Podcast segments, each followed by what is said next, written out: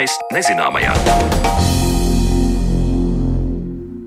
Esiet sveicināti redzējumu zināmais nezināmajā un Sandra Kropa turpmāko stundu kopā ar jums, un šodien redzējumā pievērsīsimies cilvēka organisma sarežģītībai. Redzējuma otrajā daļā runāsim par mikroelementiem, maziem jo maziem elementiem, kam ir organismā milzīga nozīme. Kādu un kāpēc to skaidrosim uzreiz pēc tam, kad tiksim skaidrībā ar to, kāpēc veidojas kāda neparasta ādas pigmentācija. Viena no vismazāk izzinātajām un sarežģītāk ārstējamām ādas slimībām, kas izplatīta visā pasaulē, ir vitiligo. Parasti to atpazīst pēc dažādas formas un lieluma laukumiem uz ādas. Lai gan vitiligo mēdz pievērst apkārtējo cilvēku skatienus, īpaši vasarās šī ādas pigmentācija pa īstam pierāda, ka atšķirīgais var būt skaists. Kāpēc vitiligo veidojas un kuros brīžos nepieciešams doties pie speciālista, klausieties Marionas Baltkalnas veidotajā ierakstā. Ādas hroniska saslimšana, kad tiek skartas melanocītu šūnas, tās pazūd un uz ādas veidojas balts plankums. Šīs saslimšanas nosaukums vitiligo it kā izklausās mūsdienīgs, bet patiesībā cilvēces vēsturē tā ir pazīstama sen, aprakstīta dažādos avotos un cilvēki to pat jaukuši ar lepru.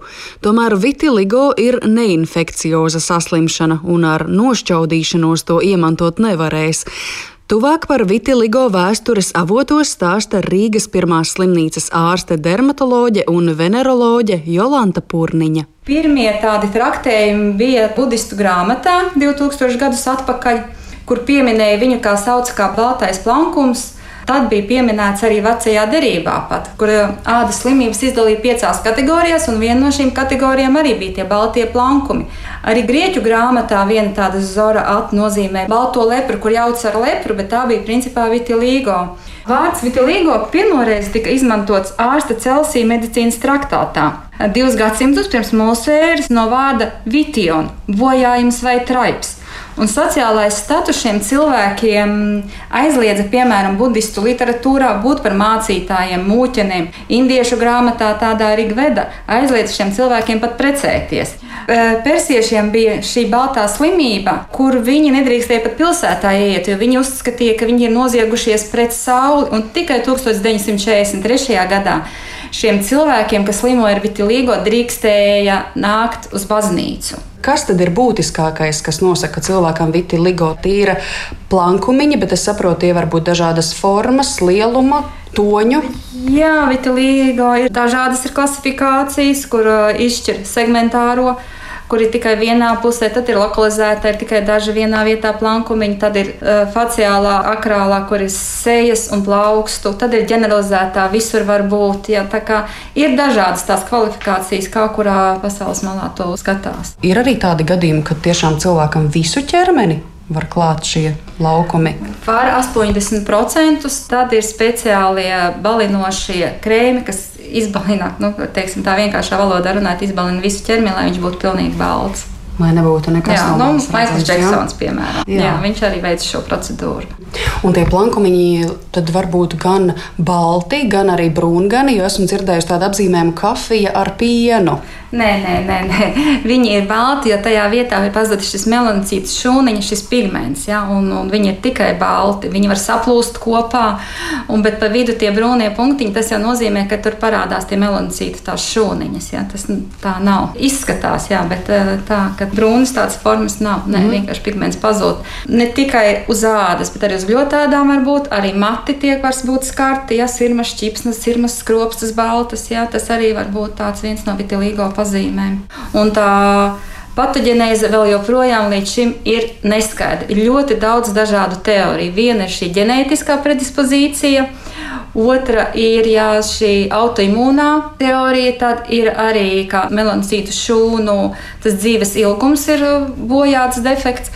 Tad ir psihoemocionālā, kas uz stresa fona var parādīties. Tad ir neirogēnā, jo melanocītu šūna ir ļoti līdzīga nervu šūnai nu, ļoti daudz un dažādi, bet tādas vienas konkrētas teorijas nav no kā tieši veidojas šī slimība. Mm. Jā, visā pasaulē apmēram slimo 1% iedzīvotāju. Mm. Un tas nav atkarīgs no rases. Jā. Kā ir Latvijā? Ir apsakots, cik daudz cilvēkiem ir šī arī pazīme? Tas viens, viens procents. Jā, un vīrieši, sievietes vienādi slimo, arī bērni slimo pie mums. Jolantas Purniņas pieminētā autoimūnā teorija, vienkāršiem vārdiem izsakoties, nozīmētu, ka organisms uzbruk pats sev un kaut ko iznīcina. Vitiligo gadījumā varētu teikt, ka melonocīti, ja pigmentšūnas iznīcina pašas sevi. Piemēram, cilvēkam, kas novēro sev šo pazīmi, ar ko sākt, viņam droši vien ir derīgi doties pie speciālista, jo varbūt tie plankumi norāda vēl uz kādām vielmaiņas problēmām. Jā, tas arī ir. Šī teorija ir attīstīta un arī ir pierādīta, ka tieši tā autoimūnā, kad var būt saistīts ar endokrinoloģiskām saslimšanām, piemēram, ar vairogdziedzera problēmām, hipo vai hiperfunkcijām. Ja? Tas būtu pirmais, kas būtu jāpārbauda. Arī ar cukura diabētu šīs visas uh, saistības, ja tā ir jātaisa analīze, ja ir jāizslēdz šīs slimības. No ģenētiskā viedokļa ir jārēķinās, nu, ja kādam ir jau ģimenē, vecākiem Jā. tas varētu tikt pārmantots. Noteikti, viennozīmīgi 10%. Un par stresu runājot, tad atkal jādomā, kāda līmeņa stress to rada, vai ne? Vai tie ir vienkārši tādi ikdienas, nu, tāds mm. mērens stresiņš, vai tie ir tādi lieli pārdzīvojumi? Nu, pēc krievu zinātnieka Košavenko pētījumiem tā slimība raksturīga. Nu, konkrētiem konstitucionāliem tipa holēriķiem. Šādiem cilvēkiem ir dažādas arī psihogēnās, vegetatīvās un neiroloģiskās problēmas. Nu, par iemeslu uzskatām ir stress, psiholoģiskā pārslodze, kaut kādas morālās traumas, nelaimes gadījumi. Jā, tā, tā ir. Ja nāk pacienti un tu sāc ievākt šo anamnēzi, tad bieži vien ir bijis kaut kāda šķiršanās ģimenē, kaut kāda darba zaudēšana, un, un tad šis stress izraisa šo vitilīgo. Tā kā tas var notikt pilnīgi arī spontāni dzīves laikā, cilvēkam Jā, vienalga kādā vecumā. vecumā. Jā. Mhm. Vecākiem cilvēkiem retāki, bet vairāk ir tā no 20 līdz 50 gadu vecumam, bet jebkurā dzīves laikā. Un bērniem arī. Un tikpat spontāni tas var arī pāriet, noiet. Ir reti gadījumi, ka var spontāni sākt parādīties šīs pigmentu šūnas melanocīti šajos depigmentētajos plankumos, pat nesaprotot no kā. Gaita vispārīgi neviens nepateiks, kā būs. Var jauni parādīties plankumi, var parādīt, ka viņi sāk aizpildīties un viss būtu kārtībā. Bet tāda izteikta specifiska ārstēšana ar garantiju nu, nav. Ārstēšanai vitiligo padodas diezgan grūti. Reizēm vitiligo var mazināt pavisam nesaistīti faktori - prettuberkulozes līdzekļu vai antibiotiku lietošana. Ir daudz pēkšņu sakritību, ko pierādīt grūti. Nereti cilvēkiem ar vitiligo un it īpaši sievietēm grūti pieņemt balto plankumu radītās vizuālās pārmaiņas izskatā, ko pamana arī apkārtējie. Taču tajā pašā laikā gan Latvijā, gan pasaulē ir fotogrāfi, kas tieši šajās atšķirībās saredz skaisto un pat veido fotosesijas ar cilvēkiem, kuri saskaras ar vitiligo. Ārste Jolanta Purniņa savā praksē ar vitiligo pacientiem saskaras diezgan daudz, jo Rīgas pirmajā slimnīcā kā vienīgajā Latvijā pieejams ekscimēra lāzeris, kas stimulē pigmentšūnu veidošanos baltajā laukumā. Protams, vēl tiek lietoti lokālie krēmi un citas metodes. Tad ir arī ķirurģiskā terapija, ka jāatrādas pat transplantācija ir, tad ir tāda punktuālā terapija, kur no veselās ādiņas ņem, ņem šis gabaliņš un stādīts iekšā tajā depimentētajā plankumā. Un tad viņš tur var veidoties. Mēs esam paši mēģinājuši arī. Nu, efekts ir tīri, varbūt neko, bet vienīgais, kas pie vitilīgo jāatceras, ir tāds Kebnera fenomens, ka kur kaut kāda trauma, kur kaut kāda ķirurģiskā iejaukšanās, tad tur var parādīties šis depigmentācijas plankums, ja, un ar to ir jārēķinās. Ja, kāds noskrāpējums, ja, nobrāziens, ja, un tad tur izveidojās. Ka tas vēl patiesībā vairāk var sekmēt. Ja? Un kā ar apsauļošanos? Tas laikam nebūs tāds universāls risinājums. Nē, tas nebūs universāls risinājums, tāpēc, ka nav šis pigments, kas aizsargā pret to sauli un notiek apdegums saucamais. Ja viņš neiesauļojas, viņš apdeg šis pacients, viņam ir jāliek šie kārtīgi aizsardzības krēmi. Protams, ir arī Izrēlā veselas sanatorijas, kur brauc mm. pacienti un ārstēs, un tieši ar sauli ārstēs viņiem tur tādas metodas ir, un tie rezultāti arī tādi. Nu, visur es teikšu, kā 50 uz 50. Ja? Nu, garantija nav, ka tas, ka atgriezās šīs pigmentu šūnas, ka viņas paliks uz visu mūžu.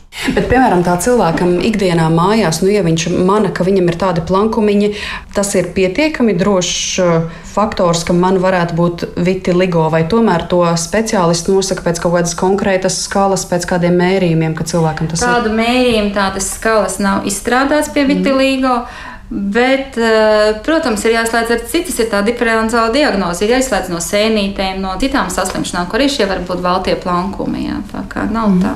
Un, ja tā grūti to pateikt, tās lokalizācijas, protams, taisa to ādas biopsiju, skatās, jā, vai, un tad tu redz, ka šo melanocītu nav vienkārši, un viss, un tad var diagnozi pierādīt. Par neparasto ādas pigmentāciju vitiligo manai kolēģei Marionai Baltkalnei stāstīja Rīgas pirmās slimnīcas ārste dermatoloģe Jolanta Purniņa. Un tam, cik ļoti cilvēka organisms un tā vielmaiņa ir sarežģīts mehānisms, mēs pievērsīsimies raidījuma turpinājumā. Música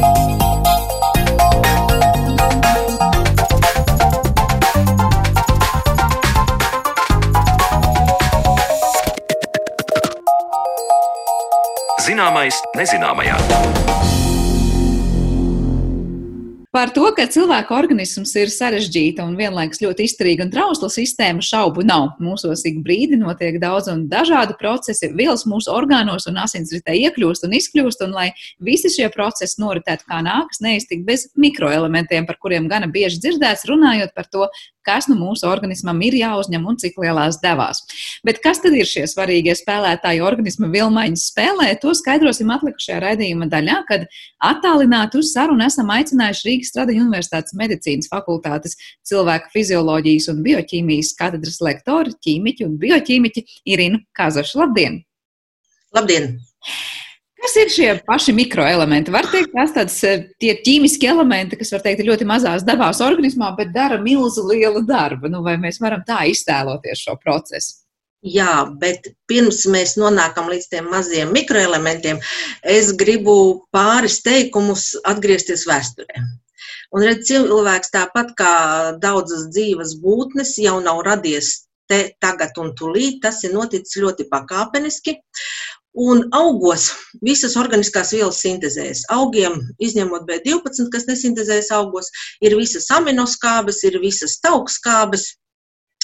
Un nav tā, tas, ko mēs esam pieraduši runāt par sevi, neaizvietojamās taukskābes vai neaizvietojamās aminoskābes un vitamīni. Augiem tas viss sintēzējas. Nākošais, kas patērē augus, ir zālētāji. Un zālētāji arī dabū pilnu komplektu ar šiem augiem, bet zālēdājus savukārt ēd plēsēji. Un redz, un plēsējiem savā attīstības gaitā jau šūna saprata, kāpēc man vajadzīgi sintēzēt visu kopā, ja tas visu laiku nonāk ar uzturu. Un tāpēc plēsēju šūnām, tie gaļēdāji, ja tā savādāk saka, e, e, jau radās slinkums, un tad radās neaizvietojamās taukskābes, neaizvietojamās aminoskābes un neaizvietojamās molekulas, ko nu sākām saukt par vitamīniem, dzīvības vitamīni. Un līdz ar to cilvēks ir visēdājs. Cilvēkā ir daļa no zālēdāja un daļa arī no plēsēja. Un tāpēc ir tās molekulas, kuras mums noteikti, noteikti, noteikti jāuzņem ar uzturu, jo mūsu vielmaiņa vienkārši tās nevar sintēzēt.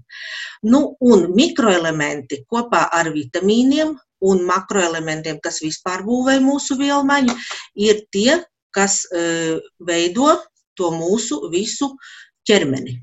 Nu, un paši lielākie makroelementi ir ogleklis, ūdeņradis, slāpeklis, skāpeklis. No tiem sastāv viss. Sastāvēs mūsu organismu veidojošie proteīni, lipīdi, Bet e, tad e, mums vēl ir vajadzīgs kalcijs un fosfāti. Tie būs tie, kas veidos e, kaulus. Un visi šie elementi aptuveni 99% veido. Un tad uz to 1% nu, mums ir tie vēl pie makroelementiem pieskaitāmie nātrijas, kālijas, magnīs, kalcija fosfātu jau nosaucu, un arī chlors. Un tad jau nāk tie mikroelementi. Un tie, kas ir ļoti, ļoti niecīgās, eh, gramu simtdaļas, gramu tūkstošdaļas un gramu miljonās daļas.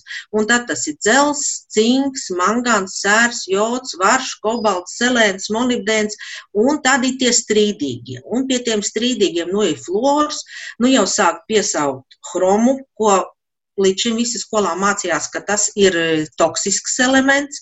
Tagad jau, ka chroms arī to pašu runāja, ja jūs palasīsiet jebkuru toksikoloģijas grāmatu, tur būs teikts, ka niķels ir toksisks. Nu jau tagad arī niķeli pieskaita un aizvien, aizvien, e, es pat gatavojoties intervijai, paskatījos, kādi tad ir materiāli, nu jau pat stronciju pieskaita pie mikroelementiem. Tā kā informācija ir ļoti plaša, informācijas ir ļoti daudz, un šajā informācijā ir ļoti vienkārši apjūta. Un tad man ir tāds ieteikums, vienkāršākais variants, kā mēs varētu neapjukt informācijā, pieturēties pie kaut kā stabila. Un tas stabilais ir Zariņa Neimanas un Beodnieka grāmata Uzturmācība. Šajā grāmatā ir viss. Šajā grāmatā ir apskatītas uh, ogļhidrāts, proteīns, lipīds, uh, vielu klases, ko nozīmē šīs vielu klases un ko tās veic mūsu vielmaiņā. Šajā grāmatā ir apskatītas dažādas diētas, tāpat arī vitamīni un mikroelementi. Un kas ir ļoti šai grāmatai? Tā grāmata, nu, teikšu, salīdzinājumā nekliedz. Jo, ja jūs paņemsiet palasīt citus avotus, tad tur burtiski kliedz jums pretī. Dari tikai tā un nedari savādāk. Zariņa Neimans un Botnieka grāmata ļoti mierīgi, ļoti secīgi ir izklāstīti visi tie jā, skaidrojumi uz tiem jautājumiem, kas jebkuram no mums varētu rasties. Jā, es pieņemu, ka arī mūsu klausītāji šobrīd varētu teikt, man jau ir jautājumi, bet pirmais jautājums, ko varbūt gribētos, lai jūs izskaidrojat cilvēkiem, kas nav uz to ar bioķīmiju un, un arī visu to, kas notiek cilvēku organismā, kur ir tā būtiskākā atšķirība starp vitamīniem un minerālu vielām, ko mēs kopā parasti saucam, un ļoti bieži saka, tas ir tas, kas mūsu organismu šūnām ir jāuzņem. Nu, atšķirība ir tā, ka minerāla vielas būs pirmkārt, tad, kad es nosaucu visus šos mikroelementus, es teicu, tur cinks, mangāns un sērs, bet viņi nekad tā nedarbosies. Tas būs cinka jons ar pozitīvu lādiņu, mangāna jons ar pozitīvu lādiņu, sēra jons vai sulfāta jons ar negatīvu lādiņu, chlors arī ar negatīvu lādiņu. Tātad tās būs lādētas daļas. Un e, tas ir neorganiskās, eh, ja mēs tā sakam, molekulas, bet vitamīni pārsvarā būs organiskās molekulas. Un abi kopā, gan mikroelementi, gan vitamīni, ir tie, kas ļauj darboties enzīmiem. Jo gan vitamīni, sevišķi B grupas vitamīni, gan metāla joni var kalpot par koenzīmiem, un koenzīms, nu, teiksim, tas ir, nu, ja mēs iedomājamies to kā kaut ko kustīgu, tad tas koenzīms ir tas, kas ļauj tam kustīgajam, teiksim, pieslēgties pie strāvas. Kamēr koenzīms nebūs savienojies ar enzīmu, tikmēr tas veidojums, tā lielā molekula nebūs darbspējīga. Kamēr... Tas ir viens. Jā. Lūdzu. Kamēr mūsos nav šie visi enzīmi arī pareizajos devās un secībās, tad mūsos nevar, ja tā var teikt, notikt virkne dažādu reakciju tajās šūnās. Jā, enzīmus uzsintēzēs mūsu vielmaiņa. Tas, ko mēs saucam par homeostāzi, par pašregulāciju.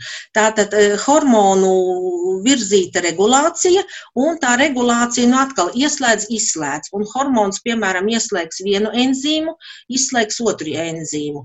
Un tā ieslēgšana, izslēgšana citreiz iedomājieties šūnu, maza, maza telpa.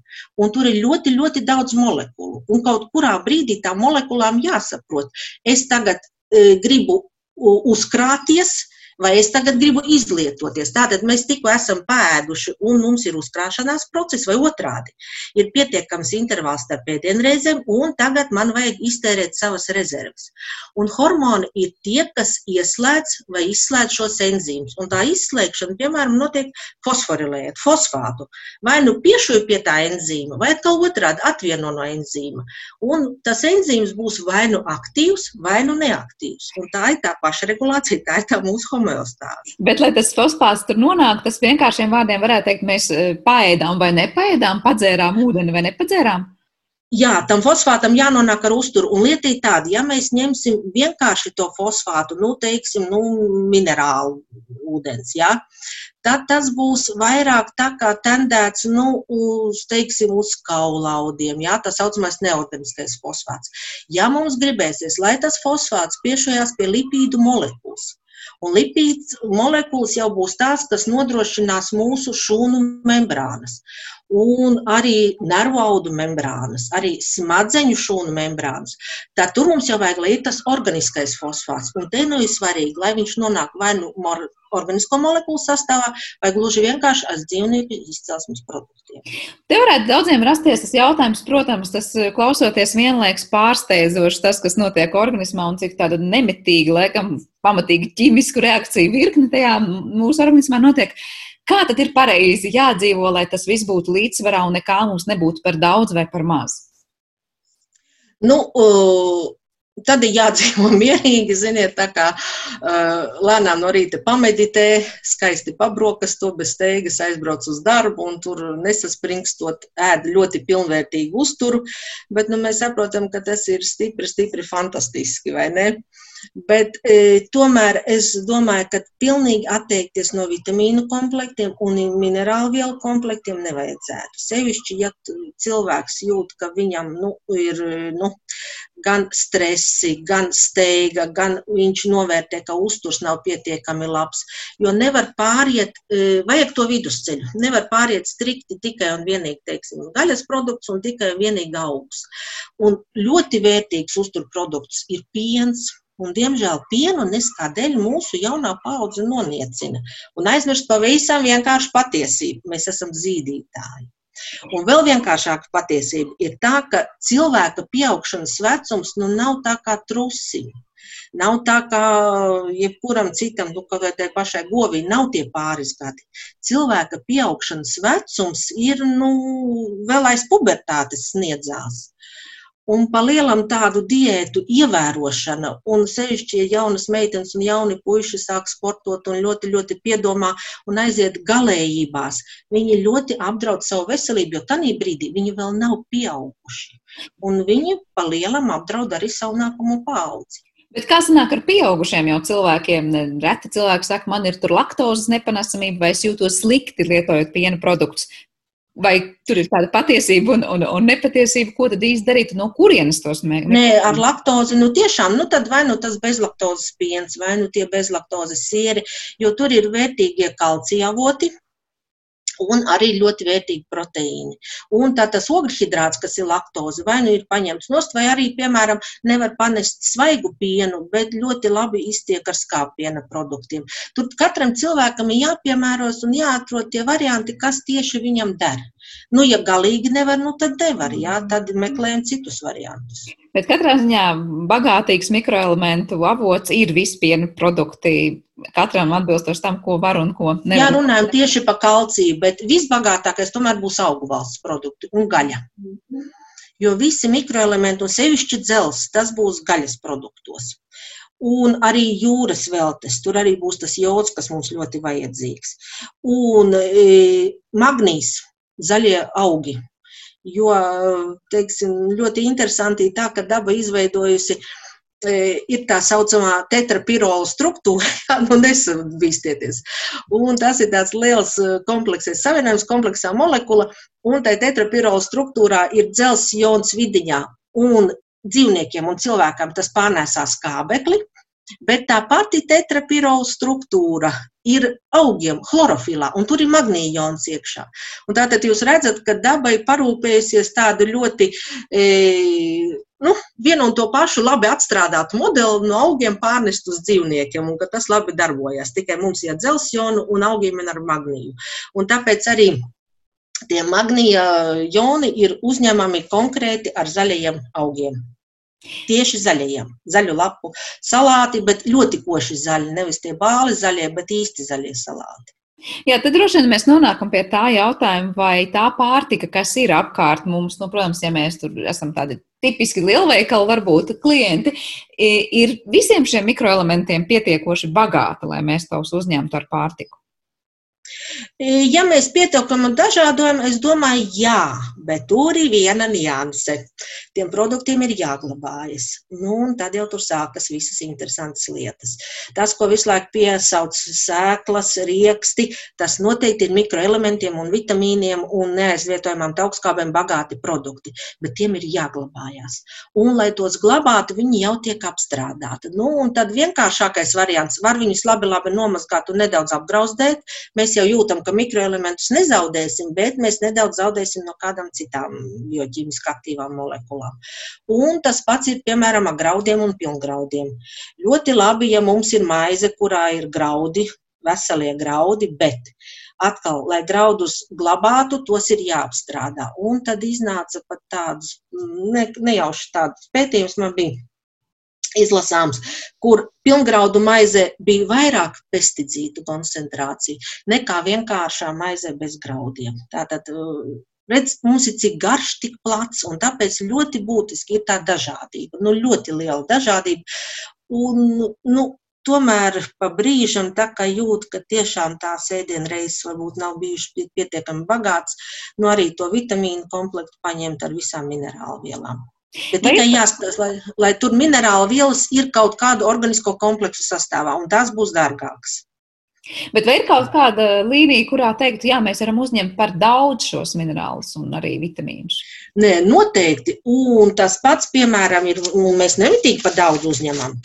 Mūsu mīļā jaukā labā vārāmā sāls jo tai jābūt attiecībā pret kāliju, jo redz, kālijs ir šūnās iekšpusē, nātrijas šūnās ārpusē un darbojas tie, tie kālija nātrija e, sūknīši šūnas membrānā, un lai tas līdzsvars pastāvētu, jo tas ir tas, kas regulē šūnas osmotisko spiedienu, tas ir ūdens apmaiņu, tā ir tūska.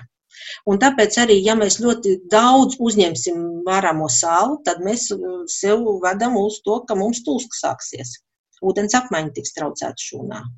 Jūs tikko piesaucāt šos kālīna ātrija kanālus, kas es pieņemu arī nevienam vienmēr likties ļoti sarežģīti un varbūt pat pārlieku sarežģīta lieta, bet ļoti vienkāršot, vai jūs varat ilustrēt, kas tad īsti notiek tajā mazajā šūnas maliņā, membrānā, kā arī piesaucāt, lai tās vielas tur apmainītos, proti kāda ienākt un kāda iziet no šūnas, kaut ko ielaist un kaut ko neielaist šūnā, kāda nozīme ir šīm vielām? Redz, tas, kas ir tajā šūnā, tas ir tāds milzīgi vārti, un tie vārti ir proteīns. Un tas proteīns reaģēs uz tām pozitīvām un negatīvām daļiņām. Un tāpēc arī kālijas anātrija citreiz būs tie, kas iet viens otram pretī, un tā iešana pretī ir iespējama tāpēc, ka kālijas ir nedaudz lielāks, un viņš tik ātri neizmuks, bet nātrijas ir nedaudz mazāks, un viņam ir vieglāk iespēja tikt iekšā. Un vēl mums ir tie, nu tagad jāsaka, simports, antiports, ripots, nu, lai nenobīstās klausītāji. Tātad vienlaicīgi var ienākt iekšā. Mm, Kalijas un ātrija nav vienīgie. Tātad, ja mēs runājam par e, membrānas pārvarēšanas mehānismiem. Vēl ir arī chlors, un chlors ir ļoti būtisks, lai mums, piemēram, tas pats e, hidrogenkarbonāta jons, jeb CO2, kas rodas no šī jona, rastos, e, varētu iziet cauri šūnas membrānai. Tātad chlors iet pretējā virzienā, un tas pavisam vienkārši. CO2 ir tas, ko mēs galā izelpojam. Tātad, lai tas pārvarētu šūnas membrānā, un mēs varētu ar plaušām izelpot visu mūsu vielmaiņas gala produktu, un tā būs tā ogliskābā gāze, tas būs tas CO2. Ļoti būtisks tur, piemēram, ir flora jons. Tad var teikt, tā ir tāda, tā, tāda milzīga satiksme pilsētas ielās, un mums vajag kaut kādu satiksmes regulētājus. Un tie satiksmes regulētāji varētu būt šie mikroelementi arī savā līmenī. Satiksmes regulētāji būs hormoni. Bet hormonus varēs to satiksmi regulēt, eh, tad, ja būs ko regulēt. Lūk, un, un tāpēc arī redziet, jo satiksmi var regulēt, piemēram, ja mums ir divas joslas un ir jēga to satiksmi regulēt, tā ka viena brauc vienā virzienā, otra otrā, bet ja mums ir tikai vienā virzienā tā plūsma, nu tad tai regulēšanai vienkārši atkrīt pēc viņas vajadzība. Nu, ne tikai atkrīt vajadzības, bet kas notiek tālāk? Veidojas kaut kādas saslimšanas vai kaut kādu orgānu disfunkcijas? Jā, jā, un tas, piemēram, teiksim, ir tas pats kalcijs un magnīs un D vitamīns, jā, jo Kalciju ik pa brīdim dzird, ka nu, kalcija pamaz, jā, protams, sevišķi sievietēm gados osteoporozi, tas ir ļoti no svara, jaunajiem cilvēkiem ātri auga veidojas kauli, tas ir ļoti no svara, bet redzat to kalciju tā, ka var veidoties arī neorganiskie savienojumi, kas ir nešķīstoši. Un, ja tas nešķīstošais savienojums ir kaulos, jā, teiksim, kalcija fosfoapatīti, kauli zobi, tas ir ļoti labi. Bet, ja tas nešķīstošais savienojums, teiksim, ir eh, nierēs, ja tas ir urīnpūslī, tad tie jau ir tie nierakmeņi un urīnpūšļa akmeņi. Un arī asinsvadu sieniņas varētu tikt traut, mērtas ar kaut kādiem nešķīstošiem savienojumiem. Nu, lūk, tāpēc arī tā regulācija ir tik ļoti no svara, ka vienlaicīgi var pietrūkt un vienlaicīgi var būt par daudz tikai tāpēc, ka tas ir kompleksi. Un tas, piemēram, uz kalcija ir ļoti svarīgi no svara, lai ir arī magnijoni klāt, un to nedrīkst būt pārāk daudz. Un ļoti svarīgi D vitamīns, jo D vitamīns ir arī ar tādu hormonālu lomu, kā regulētājs, kas nosaka, kurā virzienā tas kalcijs virzīsies. Jo tiklīdz mums pietrūkst kalcija, kalciju kompensē mūsu kauli. Tā ir lielā kalcija rezerve. Nu, tad jūs paši saprotat, kas notiek ar tiem kauliem. Ja visu laiku pārējai vilmaiņai, tām pašām muskuļu kontrakcijām ir vajadzīgi kalcija joni. Tad, tad ņem no kauliem un tie kļūst, var teikt, nu, tādi mīkstāki, ir zenāki. Jā, jā, trauslāki.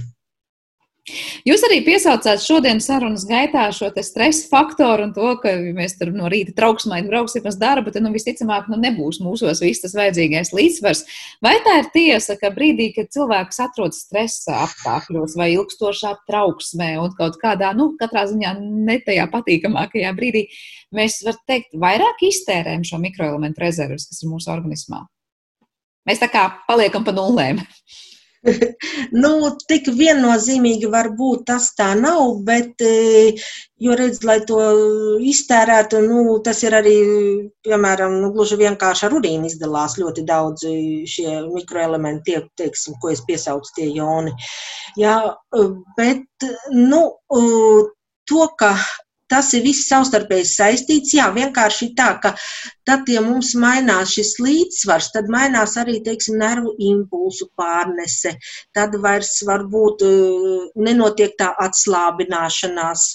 Nu, tādā ziņā tie, ir tie mikroelementiem tā loma. Bet to, ka viņi tiktu tā ļoti patērēti, nu, tik viennozīmīgi, es negribu teikt, ka stress patērē mikroelementus. Bet katrā ziņā dzīvesveids, kas varbūt būs bez fiziskām aktivitātēm, ar augstu stresa līmeni un nesabalansētu uzturu, pavisam noteikti neveicinās mūsos to, ka tā nu, līdzsvara mums sajūta būs organismam. Eh, vēl viens jautājums par pētījumiem. Vai mums ir kaut kādas aplēses, kā mums Latvijā, vai mēs varam teikt, Latvijā cilvēkiem tur masveidā trūkst tāds un tāds elements, vai ir tieši viss kārtībā ar šādu un tādu elementu? Jā, labi, ka jūs to pajautājāt. Es tieši biju piemirsus to pateikt, ka iedomājieties mazdārziņu. Un mazdārziņām, teiksim, tur viena doba ir mālaina augsne, tur dārziņa malā ir smilšaina augsne, un te saimnieki atveduši tagad kūdras zemi, un pāris dobas ir kūdras zemi. Nu, te jūs saprotat, ja mēs iestādīsim burkānu, vienu un to pašu burkānu visās šajās trijās dobēs, tad, protams, mikroelementi atšķirsies. Un tā viennozīmīgi pa visu Latviju pateikt, visiem trūkst tas vai visiem trūkst šis, nu, tas būtu, maigi sakot, ne nekorekti. Un mums arī ienāk ļoti daudz importa produktu, un mēs nezinām, kādos apstākļos tie ir audzēti, kāda tā ir augsne. Varbūt tur ir pietiekami to mikroelementu. Tā kā tur būtu uz katru uzturreizi mums jāveic ķīmiska analīze. Jā, kas būtu nereāli katram cilvēkam, bet kopumā kāda pētījuma šajā jomā Latvijā notiek? Vai mums ir kaut kas, ko mēs varam teikt, nu, kas tad mūsu platuma grādos ir pietiekoši un kas ir nepietiekoši tajā pašā augstnē? Nu, es domāju, ja ir pilnvērtīgs uzturs, ir pietiekoši viss. Nu, piesauc to pašu selēnu, kā antioksidantu, ka, par ko tagad intensīvi runā.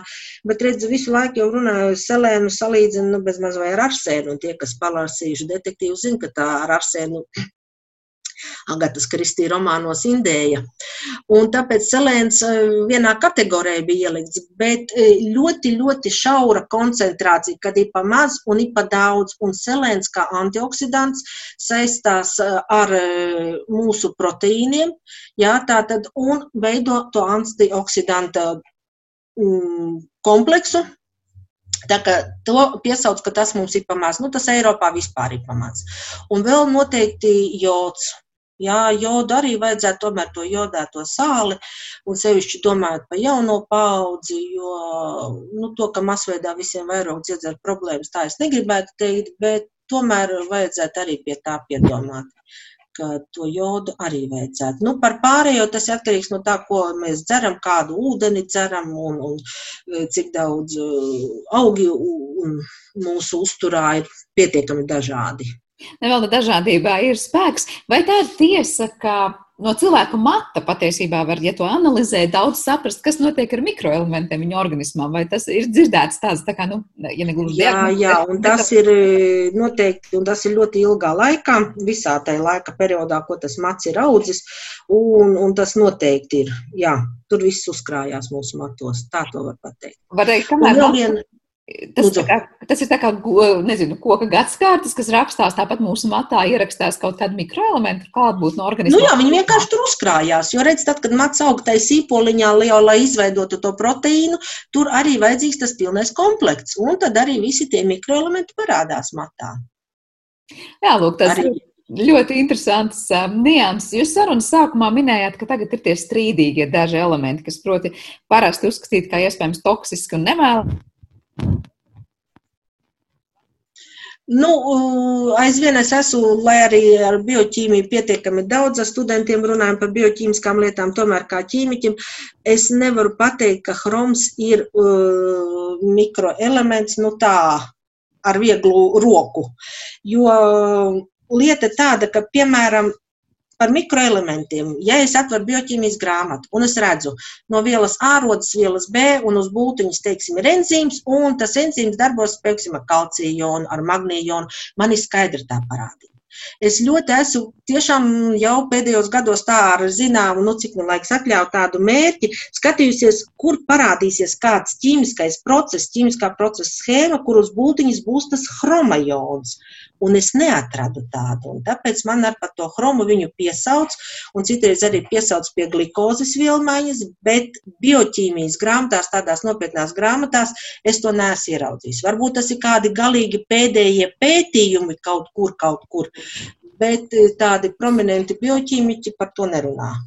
Bet notiek tāda tā kā, nu, vadlīniju pārskatīšana zinātnieku vidū kaut vai šajā jomā, proti, ko mēs līdz šim nezinājām. Es domāju, ka noteikti, un lieta jau ir tāda, ka mums tā informācijas aprītī tik ātra, ka eh, mācību grāmatas nevienmēr tiek līdzi.